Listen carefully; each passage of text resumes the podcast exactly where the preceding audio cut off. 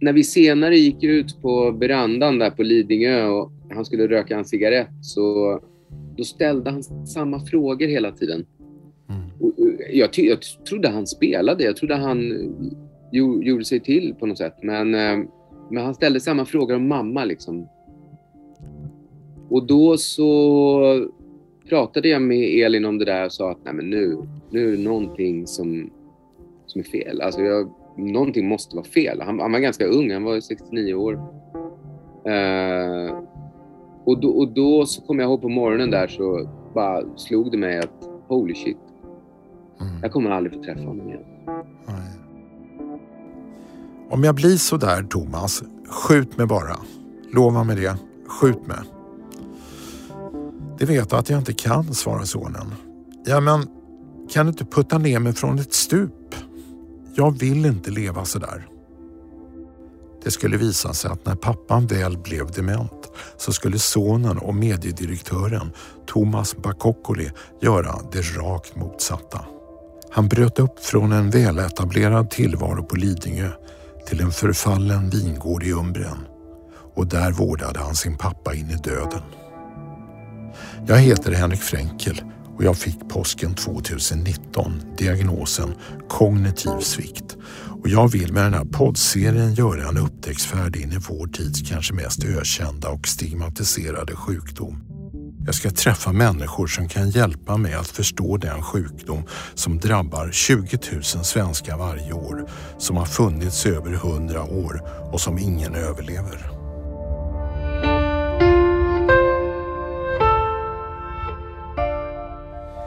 Hej Thomas! Hej Henrik! Du sitter inte i min studio, så var är du?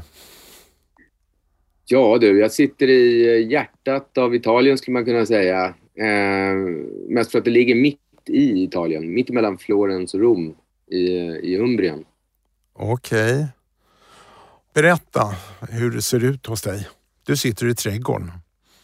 Ja, det är fortfarande 25 grader varmt här och eh, det är, vad ska man säga, det är ungefär som svensk eh, sensommar. Eh, och vi har en gammal gård som började byggas för tusen år sedan.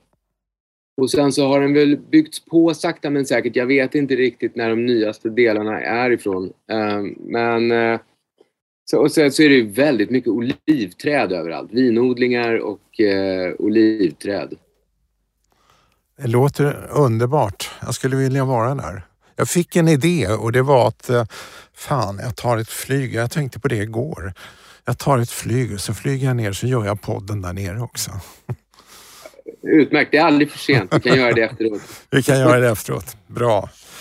Berätta bara kort, uh, Umbrien. Alla vet något om Toscana, ingen vet något om Umbrien. Nej, men det ligger lite grann i, i skuggan av uh, många regioner i, i Italien. Och det är väl för att det är den enda regionen som inte har hav eller mm. landsgränser kan man säga. Mm. Så vi har ganska dålig infrastruktur vilket innebär eh, inte så jättemycket turister. Och sen så innebär det också då att det är ganska orört och allting är väldigt genuint. Det är väldigt sällan du, du kommer till en restaurang och så råkar det stå en tysk i köket. Inte för att det är något fel på det. Men så är ju fallet ofta i Toscana. Mm. Uh, så det är väldigt genuint och väldigt vackra gamla byar. Det här är ju en del, den del av Italien då som tillsammans med Toscana eh, var liksom eh, centrum för etruskerna som var folket som var som egentligen romarna byggde sin civilisation på, kan man säga. Så det finns otroligt mycket vackert att se och, och förstås gott att äta och dricka. Det, det låter som en livsdröm, det här med att bosätta sig på en vingård i byn Corsiano. Men det var inte en dröm utan mer av en nödvändighet och för att förstå varför du hamnade där så skulle jag vilja att du läser eh, en kort bit ur din bok En bastu i Umbrien. Ja. Eh, pappa har visat tecken på bipolaritet, emotionell instabilitet, hypokondri och schizofreni tidigare för att inte tala om hetsätning, allmän vårdslöshet, borderline-beteende och narcissism. Han har gjort och sagt sånt som de flesta bara tänkt eller drömt om. Och därför tyckte folk att han var lite galen. Tokig och rolig och bullrig. Charmig och kul att vara med. En livsnjutare med ett spännande intellekt. Och kärleksfull. Mycket känslor och stort hjärta, sa de. Men för mig är han bara min bredaxlade pappa. Och nu är han sjuk. Sjuk i Alzheimer, sjuk i huvudet. Jag har hört dig i radio i våras berätta om boken och då blev jag väldigt nyfiken. Och så skaffade jag mig den och sen för någon månad sedan så började jag läsa den på ett plan till Barcelona och i tre timmar så satt jag där och fnissade och skrattade högt. Och så på hemvägen så läste jag eh, sista tredjedelen. Och då satt jag och grät och snyftade och jag var tvungen liksom att dölja mig så att inte mina medpassagerare skulle tycka att jag var knäpp. Så att jag blev ju väldigt fängslad och känslomässigt tagen. Så nu är det sagt. Det där är ju bland det finaste man kan få höra och det är ju så att jag tror att ungefär det du fnissade till, det fnissade jag också till och det du fällde en tår till, det kan jag mycket väl ha gjort också när jag satt och skrev. Mm, jag förstår det. Men innan vi kommer till din pappa. Du var enda barnet till en italiensk pappa och en svensk mamma. Mamma Ann var dotter till en disponent i Surahammar och bodde på en herrgård. Och din pappa var charmig, men han var just ingenting. Så då undrar man, hur kunde de träffas? Men hon, hon följde ju med som ett förkläde till sin, eh, till sin syster för att studera italienska här på universitetet för utlänningar. Och... Eh, mm, eh, I, Peru, I Perugia? Ja, i Perugia. Så hon, hon ville ju inte ens eh, egentligen åka med. Hon hade ju sett framför sig en sommar i stallet. Hon var hästtjej. Mm. Men, eh, men det blev annat. Eh, och så när hon kom till Italien så blev hon, jag vet inte exakt hur lång tid det tog, men hon blev ganska snabbt förälskad i, i pappa. Mm. Och sen så flyttar de hem till Sverige. Hur levde de? Alltså vi levde ju, vi levde på mamma. Mamma jobbade och, och eh, pappa han gjorde just eh, kanske inte så jättemycket. Han hade inte någon färdig utbildning eh, eller sådär. Han var inte som en sån här arbets, arbetskraftsinvandrare eh, som hjälpte till att bygga upp Göteborg direkt. Mm. Eh, som kom till Sverige på 40-50-talet. Men han, eh, han festade ganska mycket. Jag vet inte om det fanns, fanns så många ställen att festa på i Stockholm då, men de ställena som fanns, de, de kände han mycket väl till. Mm -hmm. Och eh, vad sa din mammas fina fa familj om honom? Alltså på den tiden så, så var det ju så att eh, mot sitt bättre vetande så var man ju nästan lite rasistisk. Eh, liksom. Eh, man hade inte särskilt mycket förståelse för, för någonting som inte var helt normalt.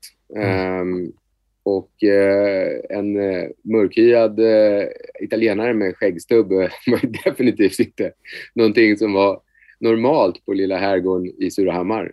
Nej. Du läste en bit ur boken där du beskrev din, din pappa, men vem var han? Jag blir ju liksom inte riktigt klok på din pappa.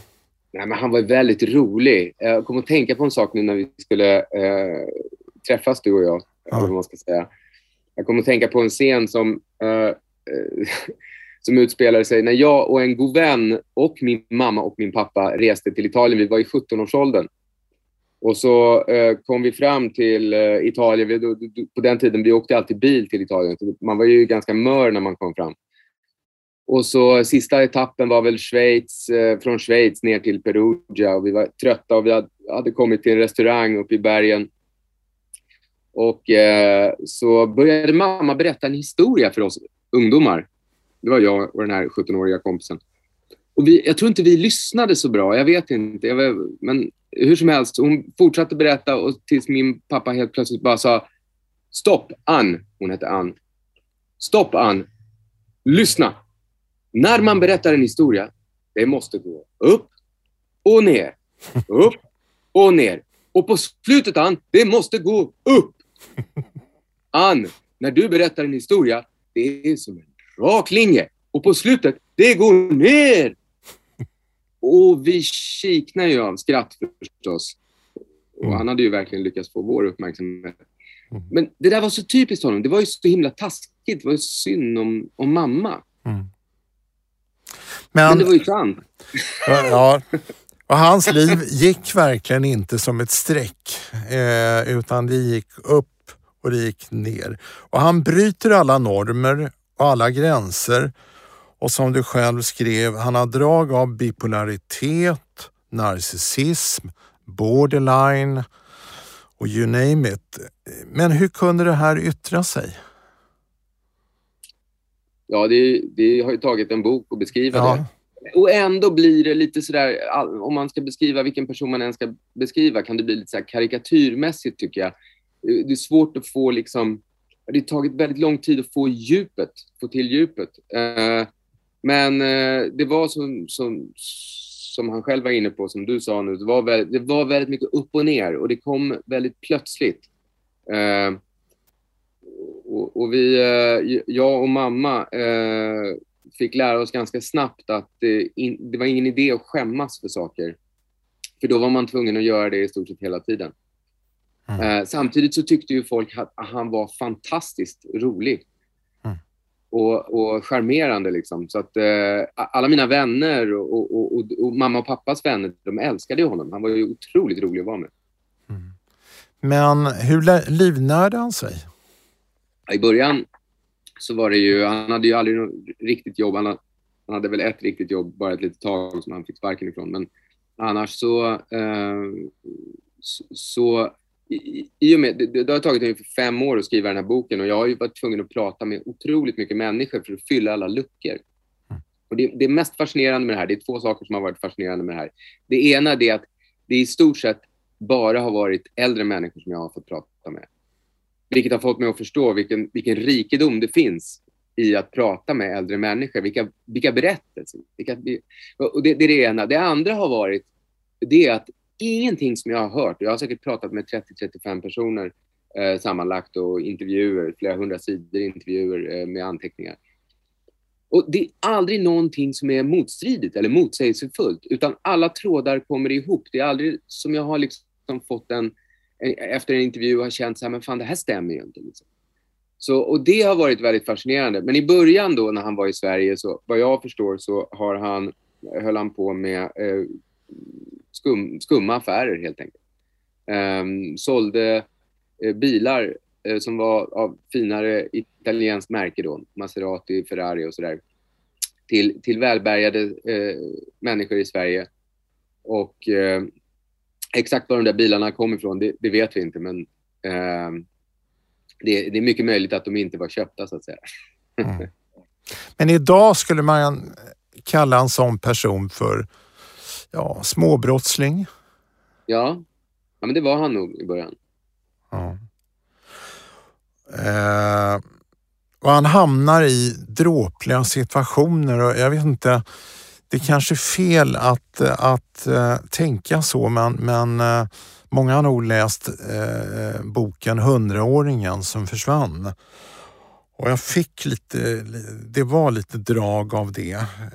vad tänker du om det? Min min eh, sån här agent som eh, ska sälja boken utomlands, utlandsagent ja. heter det, från Berlin. Eh, han sa det, vi hade ett långt möte, vi pratade om ja, hur, ja, hur man går tillväga. Jag, jag, jag har ingen koll på det här. Men då så sa jag, precis när, när vi hade pratat, när skulle lägga på, så sa jag en, en fråga bara. Eh, hur mycket av det här är sant? Mm. det är faktiskt första personen som frågar det, vilket ja. är ganska det är, märkligt. Eftersom men det är en bra fråga. Det är flera, flera tusen som har läst den, liksom. Mm. det vet jag. Mm. Uh, men, uh, och, och, och, då, så, då så berättade jag att alltså, allt, allt är sant. Och det, det finns så mycket mer uh, som jag inte, som jag var tvungen att ta bort för att det inte ska bli just den här karikatyren. det finns en scen där jag, som jag har placerat mig själv i där jag inte var med där egentligen. Men annars så allting är sant och, och det var så roligt och han sa det, det, det för det, det är just att det känns som hundraåringen, fast på riktigt. Mm. ja, som du var inne på. Men så din pappa gjorde, sov på dagarna och gjorde inte speciellt mycket. Eh, drog inte in speciellt mycket pengar och det var din mamma som fick försörja honom. Och då undrar man ju, hur stod hon ut? Ja, men hon, hon, hon, hon tyckte det var uh, fruktansvärt uh, jobbigt bitvis. Sen, ska, sen så var det så också att de älskade ju faktiskt varandra. Uh, och det var bara det att han, var, han blev lite för mycket ibland. Men hon hade ju bestämt sig för att hon, hon skulle stå ut tills jag blev vuxen. För att hon, var, hon var nog lite rädd för att han kanske skulle ta, mig, ta med mig till Italien och, mm. och låta mig bli uppfostrad av hans, av hans föräldrar. Så uh, hon, uh, hon slöt ett avtal med sig själv om att hon skulle stå ut till jag blev vuxen. Mm. Och sen så skiljer de sig. Men med åren så hittar ju han sitt kall. Han börjar samla på antikviteter. Hur stort blev det? Jo, men han blev ju uh, erkänd ute i vida världen när det gällde kunskaper inom de nischade ämnen som han var eh, duktig på. Mm. Så han hade en väldigt, eh, han hade en fingertoppskänsla. Det var inte alltid som han visste exakt varför han visste vissa saker, men han, eh, kunde, han kände det på sig. Och det, det hade förstås med kunskap att göra, kunskap om papperskvaliteter och, och erfarenhet kring um, de här hundratals konstnärerna och tryckarnas namn och det kunde ju vara ett namn på en, på en tryckare som han kände igen efternamnet men inte förnamnet och så visade det sig vara att det där var ju sonen till den tryckaren som hade tryckt den här. Och så, alla sådana här eh, detaljer var han, eh, han begravde sig i, i, i referenslitteratur mm. eh, kring de här ämnena. Vem var du när den här historien började? Jag var den här normala killen. Eh, Alltså du menar när jag var liten eller? Nej, var... nej när, du, när historien tog sin vändning. Jo, men jag tror att många kan känna igen sig i den som jag var. Jag var mitt uppe i karriären. Eh, hade precis slutat byta blöjor på mina barn, skulle man kunna säga. Eh, vi har tre barn. Och eh, ja, men eh, jobbade väldigt mycket. Mm. Eh, tyckte att det var eh, viktigt. Jag skulle ju bygga framtiden liksom. Du var direktör på MTG? Just precis, på ett mediebolag som idag har eh, bytt namn. Eh, mm. Där, eh, som Jan Stenbeck startade och grundade. Men, nej, men jag, jag, hade väl, jag hade haft roligt på jobbet, väldigt roligt, men, men jag, jag, hade inte det, jag hade inte det när pappa blev sjuk. Så det var väl en av de anledningarna som gjorde att det var, det var ändå... Jag hade ju kunnat tänkt så att jag skulle ta hem honom till Sverige och sätta in honom på ett hem. Mm. Det, det, var nog rent... Det var det jag kände att jag ville göra egentligen från början. Mm. Och där var det min fru som tyckte att, eh, nej men vänta lite Thomas, det här, det här, det här kan vara ett bra läge för oss att göra något helt annat i livet. Mm. Men hur märkte du att din pappa började bli dement? Vad var de första tecknen? Det allra första tecknet var att han slutade ringa. Han, han brukade alltid ringa så otroligt ofta och prata om eh, uh, småsaker, uh, eh, om saker som hade gått sönder på gården, hur jobbigt det var att ta hand om gården helt själv. Uh, eller om, om hur han ville att vi skulle, vi skulle träffas i London eller vi skulle träffas någonstans på neutral mark, liksom, pratade han ofta om. Vi skulle prata. Och han, han slutade ringa helt plötsligt. Det plötsligt så, och jag tyckte det var ganska skönt, för jag behövde min energi och, och min tid för min familj och mitt arbete. Uh, så jag, tänkte, jag tänkte bara att, åh vad skönt, då kanske pappa är mm, tillfreds eller lycklig eller någonting, inte vet jag. Uh, men han glömde ju bort. Det fattade inte jag förrän efteråt, att han, han glömde ringa mig. Mm. Du berättar också i boken om en, en, en sak eh, han ringer på hemma hos dig eh, och med champagne och blommor och vill gratulera dig på födelsedagen och du säger Men pappa, jag fyller ju inte år idag. Nej, det, var, det var ju då som det gick upp för mig. Alltså för att även om jag kanske omedvetet hade fattat det innan så när jag riktigt förstod det, det var, det var när han kom där två dagar innan. Mm. Och inte riktigt då kanske, för det var lite charmigt. Så han struntar i exakta datum tänkte jag. Så han var ju lite konstnärlig och lite annorlunda. Men när han kom dagen efter igen och trodde, det var liksom, jag fick den här kramen som att det hade gått ett år igen. Då kände jag, vad, vad är det här? Och när vi senare gick ut på verandan där på Lidingö och han skulle röka en cigarett så då ställde han samma frågor hela tiden. Mm. Och jag, jag, trodde han spelade, jag trodde han gjorde sig till på något sätt. Men, eh, men han ställde samma frågor om mamma. Liksom. Och då så pratade jag med Elin om det där och sa att Nej, men nu, nu är det någonting som, som är fel. Alltså jag, någonting måste vara fel. Han, han var ganska ung, han var 69 år. Uh, och, då, och då så kom jag ihåg på morgonen där så bara slog det mig att holy shit, mm. jag kommer aldrig få träffa honom igen. Nej. Din pappa hade ju en stor dröm och det var ju att du skulle ta över hans vingård. Men du spjärnade emot. Varför det? Det hade Nej, jag men, aldrig gjort. Nej, jag förstår. Nej, men, ja, men han var ju jobbig och liksom, hade jag sagt ja då, då hade han ju velat hänga med mig hela tiden. Det hade jag inte orkat. Och jag älskade honom. Jag älskade honom när han var som jobbigast också, absolut. Men eh, sen så, liksom en, ett ställe ute på vischan i Italien, det var för mig var det lika liksom, troligt att jag skulle bo där som i ett sånt där hus man ser längs, längs landsvägen som man åker förbi i Sverige. Liksom. Vem bor där och varför? Liksom? uh, så um, nej, det kändes, det kändes väldigt långt borta. Det var precis innan vi flyttade till Italien så, så köpte vi landställe i Sverige. Och det var först då som jag började tänka så här, men det här kanske inte är så, så dumt att inte ha så mycket stress och bilar och, och där.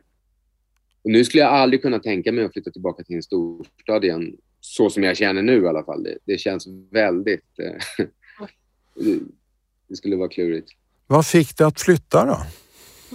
Du bröt upp med tre barn, fint jobb, hög lön, fin villa. Mm. Men det, var, det var Elin som gav mig... För det krävs ett visst mod. Liksom. Och jag önskar jag kunde säga att det var jag som hade det modet, men det var Elin som hade det modet, eller den dumdristigheten. För det är inte, det är inte lätt. Uh, som, som, som liksom sa till mig att men det här klarar vi, Thomas. Det är lugnt, vi klarar det här. För barnen pratade inte italienska, det är tre, tre stycken. Och min fru pratade inte italienska. Uh, så vi visste ju att det här kommer bli komplicerat. Men så vi, vi började med att säga, okej, okay, vi flyttar ner i sex månader och så ser vi hur det funkar. Mm. Uh, så vi, och, och, och, sen så när, på vägen ner till Italien så sa vi, nej men, nej, men ett år får det bli. Minst ett år. Sen, sen får vi uttala oss. Mm. Och det var ju asjobbigt. Mm.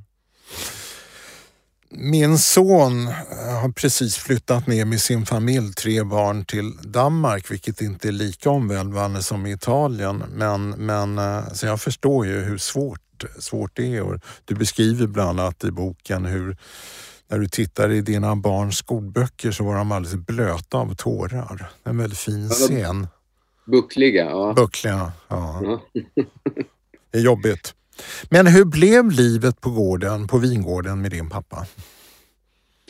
Ja, vi, vi började, när vi kom ner hit så, så eh, började vi med att bo på ett annat ställe för det var så nedgånget här på gården. Det låg skräp överallt och eh väldigt oorganiserat och läckor och toaletterna stod och rann och det är säkert sju, åtta toaletter här på gården. Eh, och eh, ja, men saker bara funkade inte. Eh, och, och pappa hade ju liksom inte orkat. Han orkade inte. När han ringde mig och sa att han inte orkade mer så var det ju sant. Liksom. Han, han pallade inte. Att, att driva en gård, det, är ju liksom, det märker ju vi nu, att det är mycket arbete. Mm. Så vi flyttade in i en lägenhet, om man kan kalla det så, eh, i ett jättegammalt hus. Eh, och, eh, och sen började vi rusta upp här på gården medan vi fortfarande inte var här. Liksom. Eh, och samtidigt som pappa var inne i en ganska aggressiv fas och, och knölig med sina skötare eller de som såg efter honom på dagtid. Liksom. Eh, så, eh, och, och, samtidigt som barnen hade problem i skolan och eh, vi hade inga vänner. Eh, min fru pratade inte italienska. Och ibland så kändes det som att vad fan har jag gett mig in i, i liksom när, när, när pappa höll på att stöka till det för oss. Och så, helt, och så helt plötsligt så blev du vårdare också till din pappa och det finns scener i boken där du ska du skriver att han har aldrig bytt blöjor på mig men jag tvingar byta blöjor på honom i vuxen ålder. Mm. Ja. Hur var det? det, var, det var en nödsituation. Det var Aha. inte så att jag gjorde det dagligen alls. Utan det, det, hände en gång. Men eh, det var, hans skötare hade tagit en paus för att göra någon administrativ grej. Men, eh, eh, men, men man blir ju skötare. Här i Italien är, funkar det lite annorlunda så om man jämför med Sverige tror jag. Att det, här är det ju då mycket flerfamiljshus. Så att man, man har, så att säga, det är stora hus och sen så är det två till sex lägenheter och i de här lägenheterna bor hela familjen. Mm. Så syrran med sin familj, brorsan med sin familj, mamma, eh, kanske till och med eh, hans mamma och, och, och, hennes pappa. Alltså det, det, man, man, bor så där många och det var väl ett av problemen här när, när covid eh, slog till också kanske. Eh, men det är inte att man bor tillsammans. Det, det, det verkar för svenskar tro att man bor alla tillsammans, men det gör, det gör man ju inte, utan man bor i varsin lägenhet så att säga. Eh, så det är klart att vi bodde ju, han hade en lägenhet här på gården, eh, här ovanför där jag sitter. Eh, och eh, och det, vi hörde ju honom varje dag. Jag, när han var riktigt dålig mot slutet så hans skötare brukade göra någon slags morgongymnastik. Så vi hörde hur han grymtade där uppe när vi satt och åt frukost. Och sen så gick de in i duschen och då sjöng de. Mm -hmm. uh, för han sjöng alltid i duschen. De sjöng i duschen, han och hans skötare. Uh, och det var ju det fantastiska stunder som jag inte skulle byta ut mot någonting. Liksom. Det är helt... Uh, det, det, är svårt att förklara. Jag förstår, jag förstår att det är annorlunda att sätta in sin, sin förälder på ett hem förstås. Men hur stod din fru ut? Ja, men alltså hon är, hon är en familjemänniska som tur är. Så att eh, det, mycket, mycket av de lösningar som vi kom på och som vi gjorde var ju hennes eh, idé, så att säga. Och det, till att börja med att vi flyttade ner, det var nog viktigt. Det var viktigt för mig att det var hon som tryckte på också, för det var för henne det, det var jobbigast och är jobbigast fortfarande, skulle jag säga. Eh, så det har varit viktigt att hon har liksom... Så jag, jag upplever inte någonsin att jag har fått, visst, ibland liksom, åh, din jävla pappa liksom, men nej, jag kände ett enormt, eh, ett enormt stöd eh, faktiskt. Mm. Ja. Du nämnde skötare. Du, du valde att, att ha honom hemma och anställa skötare. Mm. Är det så man gör i Italien? Jo, men det, det är ofta så man gör. Um, och sen så, många familjer då brukar ha skötare sex dagar i veckan och så tar de hand om, om uh, sin förälder en dag. Men vi hade faktiskt alla dagar i veckan. Mm. Så, mm. Men du hade en speciell vårdare, en skötare. Papis tror jag han heter. Ja. Från Senegal. Och din pappa var ju rätt fördomsfull rent generellt. Men han släppte in Papis i sitt liv. Varför det? Nej, jag skulle inte säga att han var fördomsfull. Han, han, eh, I början när Papis var här så, så försökte han kalla honom för allt möjligt. eh, men, eh, för han, han var ju färgad förstås. Men, ja. Är inte det fördomar? Ja, men alltså han, han hade inte, han bara låtsades liksom, för han ville göra honom arg så som han försökte göra med alla skötare. Uh, bara jävlas. Men uh, nej, de tyckte väldigt mycket om varandra och Papis var enormt positiv som person, vilket då det är liksom, vad ska man säga, desarmerade pappa totalt. Det gick inte, han kunde inte, han kunde inte fortsätta vara sådär. Liksom. Han, Det avväpnade honom, säger man på svenska. Ja. Ja. Därför han jävlades med alla andra. Ja, ja, ja. Visst, han körde med dem. Han var, han var, fram tills han slutade prata så var han, hade han alltid glimten i ögat. Han var förbannat rolig. Ja.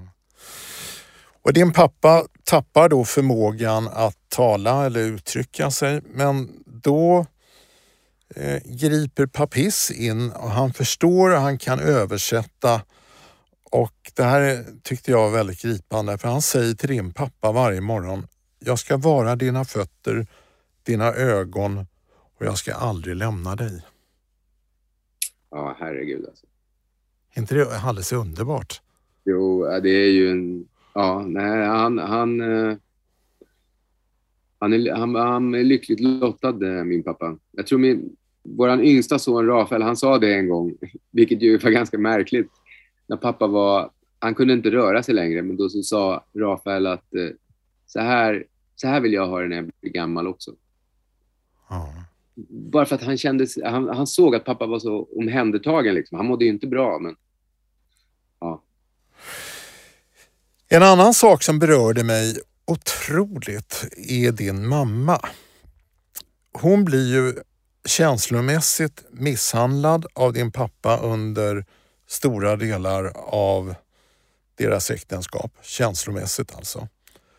Och hon lämnar honom med orden att aldrig komma i närheten av honom mer. Men så blir han sjuk och då flyttar hon ner till en liten lägenhet i er by Corsiano i Umbrien. Kan du förstå det? Jo, men om man känner mamma, jag tror alla som känner henne jag tror att de förstår det. Ehm, hon, eh, men sen så är det så här att hon, alltså, det blir så... När, när man liksom skapar karaktärer så blir det så svart eller vitt eh, allting. Mm. Pappa hade ju sina positiva sidor. Mm. Um, och mamma är ju asjobbig på vissa sätt. Liksom. Så det är vi alla. Liksom. Mm. Så, så, är det bara. Men ja, nej, hon... hon uh, hon släppte allt och jag tror hon gjorde väl det. Det, det var Elins idé att hon skulle eh, komma med till Italien. Mm. Jag tyckte att vi kunde klara oss själva, men, eh, men och där hade hon ju helt rätt. Det hade ju varit eh, väldigt mycket svårare utan, utan mamma. Men hon... Ja, det, var ganska gripande på, på slutet att se hur, hur, hur, nära hon var pappa och hur mycket han uppskattade det efter allt de hade varit igenom. Um, det, var, det var en av hans största... För han älskade henne och kunde inte förstå hur hon kunde vara så fräck att lämna honom. Liksom. för han fortsatte älska henne hela tiden. Liksom. Fast han var med andra kvinnor och, och sådär så höll han henne högst av alla. Ja. Men, men det, det, var just det som hände på fly, när jag satt där på flyget eh, tillbaka från Barcelona när jag läste om din mamma. Och hon håller hans hand i timmar och vakar över honom. Jag tycker det var en sån fin scen över kärlek egentligen genom ett helt liv. Vad tänker du? Ja, ja verkligen. Jag, jag känner mig li, lite grann som någon som bara liksom har beskrivit en sak. Så när du säger så här så får jag känslorna till mig. Eh, jag tänkte så här, vad är det värsta som kan hända i den här intervjun? Det är två saker. Det är att jag börjar grina eller att jag svär för mycket. Men båda saker är ganska vardagliga, så det spelar ingen roll. Ja. Men jag blir lite rörd när du säger sådär, för jag, jag känner, det känns mest som att jag bara har liksom beskrivit. Vissa saker har jag inte ens tänkt på att, herregud, det här är ju speciellt. Men det är speciellt. Mm. Eh, det, är, det, är en, är en, det är något, eller så är det bara, bara så att jag är väldigt romantisk av mig. Men kan ju vara så också. I två år så ligger han svårt sjuk. Eh, men han hade ju bett dig att skjuta honom om han hamnade i det här, i det här tillståndet. Varför gjorde du inte det? Jag, hade, jag hade aldrig vetat hur man... Eh, jag, jag, jag tror inte jag vet. Jag, jag, jag är inte tillräckligt eh, så här, eh, bra utrustad känslomässigt för att begå brott, tror jag. Jag, jag, jag skulle inte ens kunna vara otrogen och liksom leva med det på ett bra sätt. Jag, jag, det, där, det där skulle vara stökigt för mig emotionellt liksom, att göra något sånt. Så, uh, men Papis blev ju min räddning. Liksom. Jag gjorde ju tvärtom. Papis är ju, det, det, är ju raka motsatsen till en pistolkula, skulle jag säga. Men däremot så såg jag ju på pappa att han var ju... Jag, jag, kände, det kändes som att han var besviken på mig, att jag inte liksom hade... Att jag inte hade sett till att det tog slut tidigare, för att han var så stark. Han, han, han överlevde liksom eh, lunginflammationer och blodpropp i lungan och liksom det, det bara gick vidare. Och det, det, var också en grej som när, när det var så dåligt så att han var tvungen att bli sondmatad genom mat, magen, då gick han igenom en sån här... Eh, han hade fått en blodpropp i lungan och då kände jag så här, men nu kommer han släppa taget. Liksom. Nu ligger han på sjukhus, nu kommer han inte hem mer. Men, och det här är ju, vi snackar ett, och ett halvt, eller i alla fall två, eller kanske till och med två år innan han gick bort. Eh, ändå så, det var som att han, han, tittade på mig när jag kom till sjukhuset och, som att säga, eh, tro inte att jag ger upp. Liksom. Det, här, det här är inte över än. Men hur, hur klarar du sveket eh, egentligen? Vi har inte nämnt hans namn. Han hette Francesco. Ja. Ja. Vi kallar honom bara för pappan. Men Francesco det... Bacoccoli, han var, ju, han var ju väldigt anonym också. Det är lite roligt att nu så finns det en bok att köpa. Ja, det. Om honom. Ja, ja. Men eh, det är ett svek också. Från din sida. Att inte hjälpa honom att han, han ville ju inte hamna i det där tillståndet. Jag tror många känner igen sig i det här. Mm. Ja, hemskt ledsen, men det gäller flera saker som, om, som folk ber mig om. Liksom. Om jag inte känner att jag vill göra det, så då gör jag inte det. Nej. Men din pappa dör. Vad händer med dig då när, när, när han dör? Han var ju lite av ditt universum. Ja, och det hade och... han ju verkligen varit sista tiden. Ja. Men eh, det, det, var, det var märkligt faktiskt, därför att just, just när han gick bort, då kände jag så här, vad fan ska vi göra nu då? Det var ju det här vi hade kommit ner för. Vi hade, parallellt hade vi också byggt upp ett liv här. Vi hade ju varit här i, i eh, fyra år när han gick bort. Så att barnen hade hunnit få vänner. Eh, vi hade hunnit få lite ordning på gården. Eh, börjat göra olivolja, börjat, eh, jag hade börjat skriva bok. Uh, och, och framför allt så hade ju barnen börjat med aktiviteter och saker som de tyckte var väldigt roligt. att spela fotboll och, och rider och vi hade vi har hästar här på gården och höns och hundar och katter. Så att jag var tyst om det där eh, inför resten av familjen och, och, och kände efter lite. Vad, vad, är det? Vad ska vi göra nu? Vi var ju här för pappa. Ska vi, ska vi åka tillbaka till Lidingö nu eller ska vi flytta till Singapore eller? Inte vet jag. Um, men uh, jag, tycker, jag, jag, tycker väldigt mycket om uh, den här delen av Italien och den här delen av Europa. Um, så uh, de där tankarna försvann. Men jag tänker också på mer existentiellt. Han, har ju liksom, han var ju ditt störningsmoment under hela ditt liv. Han har ju liksom funnits där och liksom uh, horat över... Han, han, var ju definitivt, han var ju definitivt den här friktionen ja. som uh, man kan hata men behöva ja.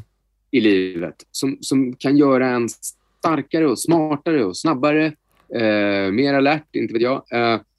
Och, och, det är som i Eh, förhållande med, med, med, Man behöver ju höra ibland att man är dum i huvudet, eh, tycker jag. Och därför är det så viktigt att man har förhållanden, eller för ett, för, ett förhållande till att börja med, men även förhållanden med människor som säger vad de tycker. Så man får den där friktionen. Men eh, samtidigt så tyckte jag, jag tyckte det var så skönt för hans skull att det var över. Och, och jag kände en otrolig lättnad. Eh, även för, för mig själv rent egoistiskt. Jag, jag hade ju i stort sett velat att han skulle gå vidare ett par år innan redan. Mm. Så det var, ett- det var ett väldigt... eh, Det var ett jobb för mig det, att ta hand om pappa. Även om vi hade en skötare så var var väldigt mycket administration att hålla i. Det det är inte ett helt obyråkratiskt land eh, vi lever i. Mm. Eh, Så allt som hade med mat att göra, med, med hans specialmat, med, med blöjor och katetrar och eh, mediciner och sprutor och, och allt. Liksom. Det, var, det var jag som var chefen. Jag gick från att vara mediedirektör till att bli Alzheimer-chef. Mm. Så vem är du nu då? Men nu... Nu, nu så... Nu, nu, nu kanske jag är mer mig själv. Och fabrikant i olivolja kanske? Ja, exakt. Och sen så ä- jag älskar att skriva. Jag tycker det är otroligt uh, skoj. Jag har börjat skriva på en andra bok. Så. Men det är ju vad jag gör. Vem jag är, det är en sån jävla ex- existentiell fråga. Ja. Det vet jag inte. Det är... Det tar vi. mina barn. Mina barn eh, kan... eh, man- Man, får skriva en bok om sina föräldrar. Man får inte skriva om sina barn. De kanske vill skriva en bok. Vi får se. Det kanske kommer.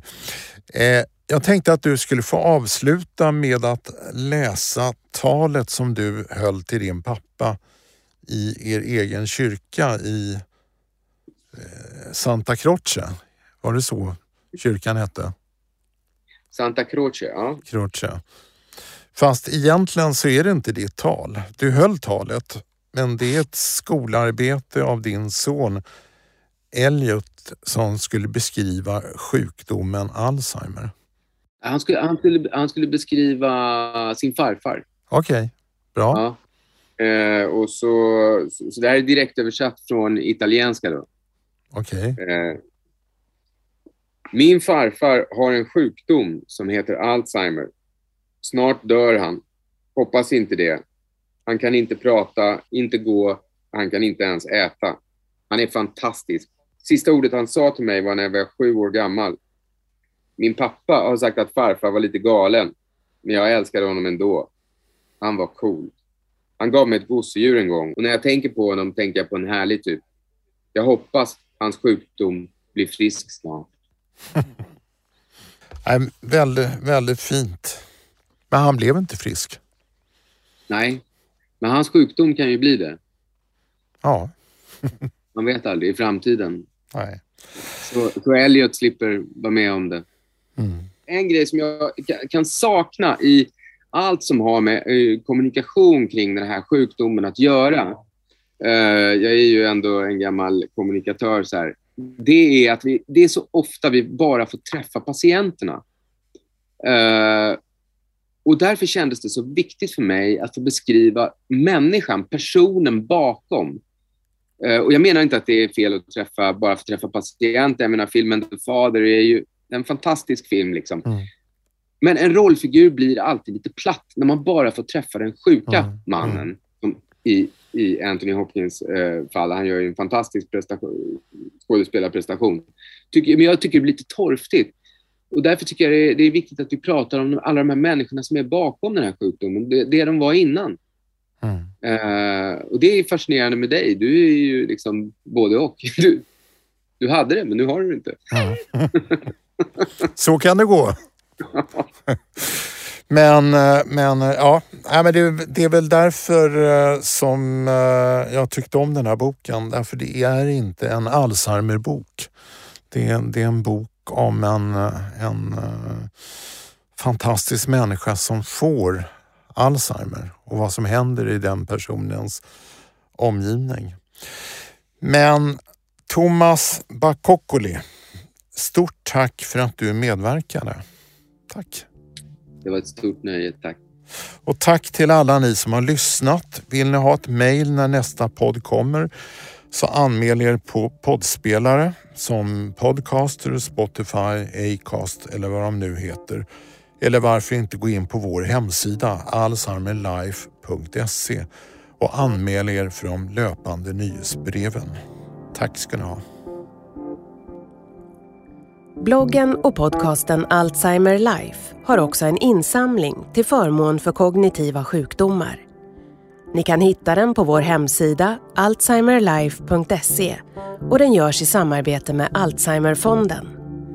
Podden och bloggen produceras av stiftelsen Alzheimer Life och görs på Beppo. Beppo.